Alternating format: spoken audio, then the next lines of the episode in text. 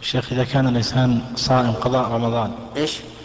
إذا كان الإنسان صائم قضاء رمضان فهل يجوز له أن يفطر إذا شاء؟ هل؟ فهل يجوز له أن يفطر إذا شاء؟ لا. إذا شرع الإنسان في صيام شيء في صيام واجب سواء قضى رمضان أو كفارة يمين أو نذر فإنه لا يجوز له أن يخرج منه إلا لضرورة.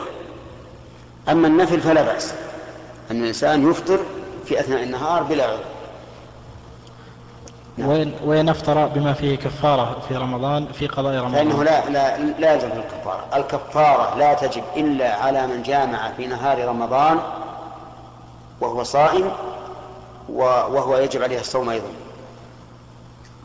فإن جامع وهو مفطر لعذر كالمريض والمسافر فلا حرج عليه ولا إثم إذا كان زوجته معذورة مثله.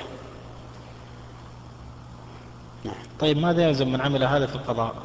قلت لك يلزم يجب عليه أن يتوب إلى الله ويستغفره لأنه فعل محرما وعليه أن يقضي هذا اليوم الذي أفسده. نعم.